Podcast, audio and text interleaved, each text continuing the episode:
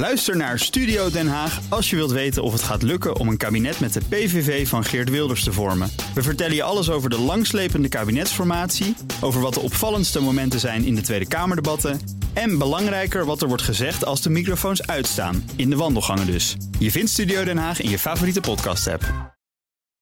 Auto-update. Toet toet, autonieuws met Nout Broekhoff van de Nationale Autoshow. Goedemorgen. Goedemorgen, Nout. Hoi, hoi. hoi. Uh, de Chinese auto-industrie bereikt een nieuwe mijlpaal. Ja. En dat is? China is voor het eerst de, de grootste auto-exporteur ter wereld in het eerste kwartaal geworden. Ja, ruim een miljoen auto's geëxporteerd. Daarmee uh, stoot China Japan van de troon, meldt uh, carnewschina.com. Die auto's gaan uh, voornamelijk nu naar Rusland, want daar kunnen we Oh. de westerse merken Nou. natuurlijk niet meer krijgen. Dus daar hebben ze een mooie afzetmarkt. Dat is lekker allemaal elektrisch rijden in eh, Rusland? Nou, dat, eh, dat zou zomaar kunnen. Nou, ja. dat vermoed van niet. Nee, ik, ik denk het ook niet. Eh, de Verenigde Staten, daar gaan ook veel auto's naartoe. Eh, Mexico, Verenigd Koninkrijk. België staat ook in de top 5. Wel apart. Eh, de meest geëxporteerde merken zijn eh, die van SAIC. Dat is de eigenaar van MG, een merk dat ook in Europa wordt geleverd. Sherry staat op, op 2. En dat is niet de, de sherry die, die wij drinken. En Tesla China staat ook in de top 3. ja, dit is eigenlijk pas het begin. Hè. Die auto's gaan de hele wereld over, komen ook naar Europa. En ja, de, de discussie die nu een beetje op gang komt... van moeten we ons daartegen gaan wapenen? Ja, want daar, daar heeft eh, Alliance Trade heeft daar eh, een eh, bericht over eh, naar buiten gebracht. hè? Vanochtend, ja. Lyons. Ja, nee, die zeggen dat, dat die Chinese auto de, de auto-industrie in Europa ja, niet zozeer kapot gaat maken, maar wel een, een, ja, moeilijk, het moeilijk gaat maken. Die auto's komen natuurlijk massaal ook naar Europa. Ja. Je zei, we hebben vrijdag gehad over Frankrijk. Die gaan een soort van handelsbarrière proberen op te zetten. Zonder dat ze echt auto, auto's uitsluiten. Maar ze gaan wel Europese auto's ja, een soort voordeel geven. Ja, maar de vraag is natuurlijk wanneer is een, euro, een auto Chinees en wanneer is die Ja. Europees? Hè? Want we hadden vrijdag ook hadden we natuurlijk de Smart Hashtag One in de uitzending als rijimpressie. Maar die is natuurlijk een samenwerking tussen Geely en eh Daimler, Mercedes, Mercedes. Dus die is deels Europees. Je hebt ook nog Ja. eh, Polestar. Is natuurlijk eigenlijk in handen van Geely. Maar ja, eh, officieel een Europees merk. Waar, waar leg je de grens dan? Hè? Dat is de grote vraag. Ik denk dat het echt gaat om, om eh, auto's. De MG's tegen, bijvoorbeeld. Ja, nou, die echt van de band rollen in China. Uit een Chinese fabriek komen. Nou ja, goed. Eh, dan eh, stuurde jij mij een hele leuke teaser. waarin echt helemaal niets te zien is haast. Behalve wat ik kon ontwaren was het logo. En Ja. dat is van Aston Martin. Dat klopt. Aston Martin heeft een eh, fijne teaser vrijgegeven vanochtend. Een, een- de nieuwe generatie DB, bloedlijn, kondigen ze aan. Ik denk de opvolger van de, de DB11 wordt dan waarschijnlijk de DB12. Hoewel die modelnaam niet bevestigd is. Ze spreken nu nog van een DB GT. De slogan is eh groots is niet genoeg. Maar het, het wordt geen eh, SUV hoor. Dus eh, gelukkig. Die hebben ze trouwens al, DBX. Drie teasers, schimmige plaatjes, kunnen niet heel veel over zeggen. Hele mooie, mooie lange eh, neus. Ja. Als ik het goed zie hè, op de foto's. Want eh, Ja, het is lastig te zien, hè? Het is lastig Ja. te zien. De foto's komen straks ook op bnr.nl slash auto-update. En wat we wel weten is dat eh, dit jaar de DB-lijn 75 jaar bestaat. Dus eh, benieuwd of ze daar wat invloeden van eh, terug laten zien. dan gaan we naar elektrische auto's. Weer terug eigenlijk.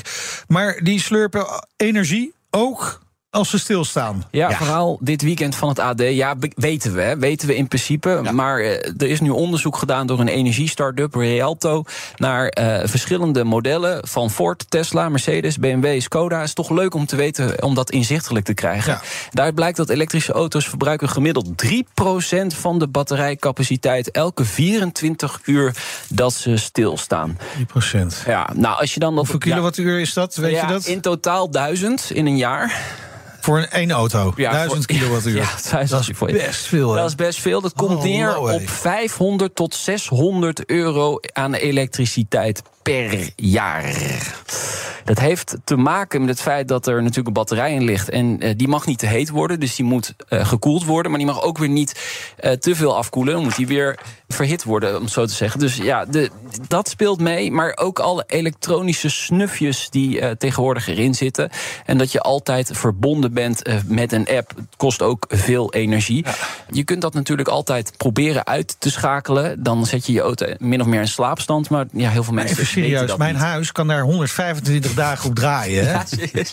Ja, serieus. Ja, ja, Met een gemiddeld verbruik. ja, nou, het is denk ik vooral ook voor Voor sommige wagenparkbeheerders mensen zal dat nog veel meer zijn. Ik heb jonge kinderen die op PlayStation spelen. En ik zelf ook af en toe. Het is denk ik vooral ook voor wagenparkbeheerders een eye-opener. Want je, je maakt een soort budgettering voor een jaar... en je weet wat een auto gaat rijden en wat hij dan moet laden. Maar daar komt nog iets bovenop, want ja, de auto staat ook nog stil. Ja. Ja. Dan, Amerika wil een gigantisch aantal airbags terugroepen. Mhm. Waarom? 67 miljoen. Nou, eh, dat is best wel een eh, bizar verhaal. We hebben natuurlijk het Takata-schandaal gehad. Ja, ja, en dit is ja, weer een nieuw schandaal. Het ARC Automotive airbag-schandaal. Klinkt iets minder spannend, maar het is wel groot. 67 miljoen airbags moeten teruggeroepen worden... als het aan de Amerikaanse toezichthouder ligt. Het gaat om die opblaassystemen die erin zitten. Eh, die moeten onmiddellijk worden teruggeroepen... omdat ze kunnen ontploffen bij een crash. In tenminste negen gevallen hebben gescheurde airbags opblaassystemen... in de periode van 2009 tot afgelopen maart... geleid tot verwondingen en zelfs twee doden. Nu eh, is dat ARC Automotive geïnformeerd door eh, de Amerikaanse toezichthouder. Ze zeggen, ja, we willen meewerken, maar de conclusies die delen we absoluut niet. Die airbags die zijn terechtgekomen in auto's van General Motors, Volkswagen, Hyundai. Het is niet helemaal duidelijk of het ook eh, auto's in Europa betreft. Oké, dat is een belangrijke vraag natuurlijk. Eh, dan nog tot slot, kort. Honda gaat dit jaar een leuke auto bouwen. Ja, kort. eh, 75 jaar eh, bestaat Honda. Dat, dat wist ik eigenlijk niet. Ik dacht dat het veel langer bestond. Maar het bestaat 75 jaar. En gaat een sportauto bouwen, meldt het Britse autocar. Een spirituele opvolger van de S2000. Die Ja. iconische tweezitter, hè, de Roadster. Die eh, is gelanceerd tijdens het 50-jarig bestaan. Dus ja, het kan niet anders dan 25 Ook jaar. een 25 ja, jaar een, precies. Een lekkere sportauto. Het laatste sportauto van eh, Honda is de NSX. Ja. Eh, dus ja, het wordt wel weer tijd voor Ja, iets leuks. zeker. Ja, Die zeker. 2000 zo leuk. Ik heb het Ja, die is leuk. een hele leuke auto. En eh, nog relatief betaalbaar eh, in, eh, als occasion. Mooie investering misschien wel. Wie weet. Dankjewel, Nout. De auto-update iedere maandag en vrijdag terug te luisteren in je favoriete podcast-app. De auto-update wordt mede mogelijk gemaakt door Leaseplan. Leaseplan. What's next? Ook Thomas van Zeil vind je in de BNR-app. Je kunt live naar mij luisteren in Zaken doen, de BNR-app met breaking news, het laatste zakelijke nieuws en je vindt er alle BNR-podcasts, bijvoorbeeld Het Nieuwe Geld. Download nu de gratis BNR-app en blijf scherp.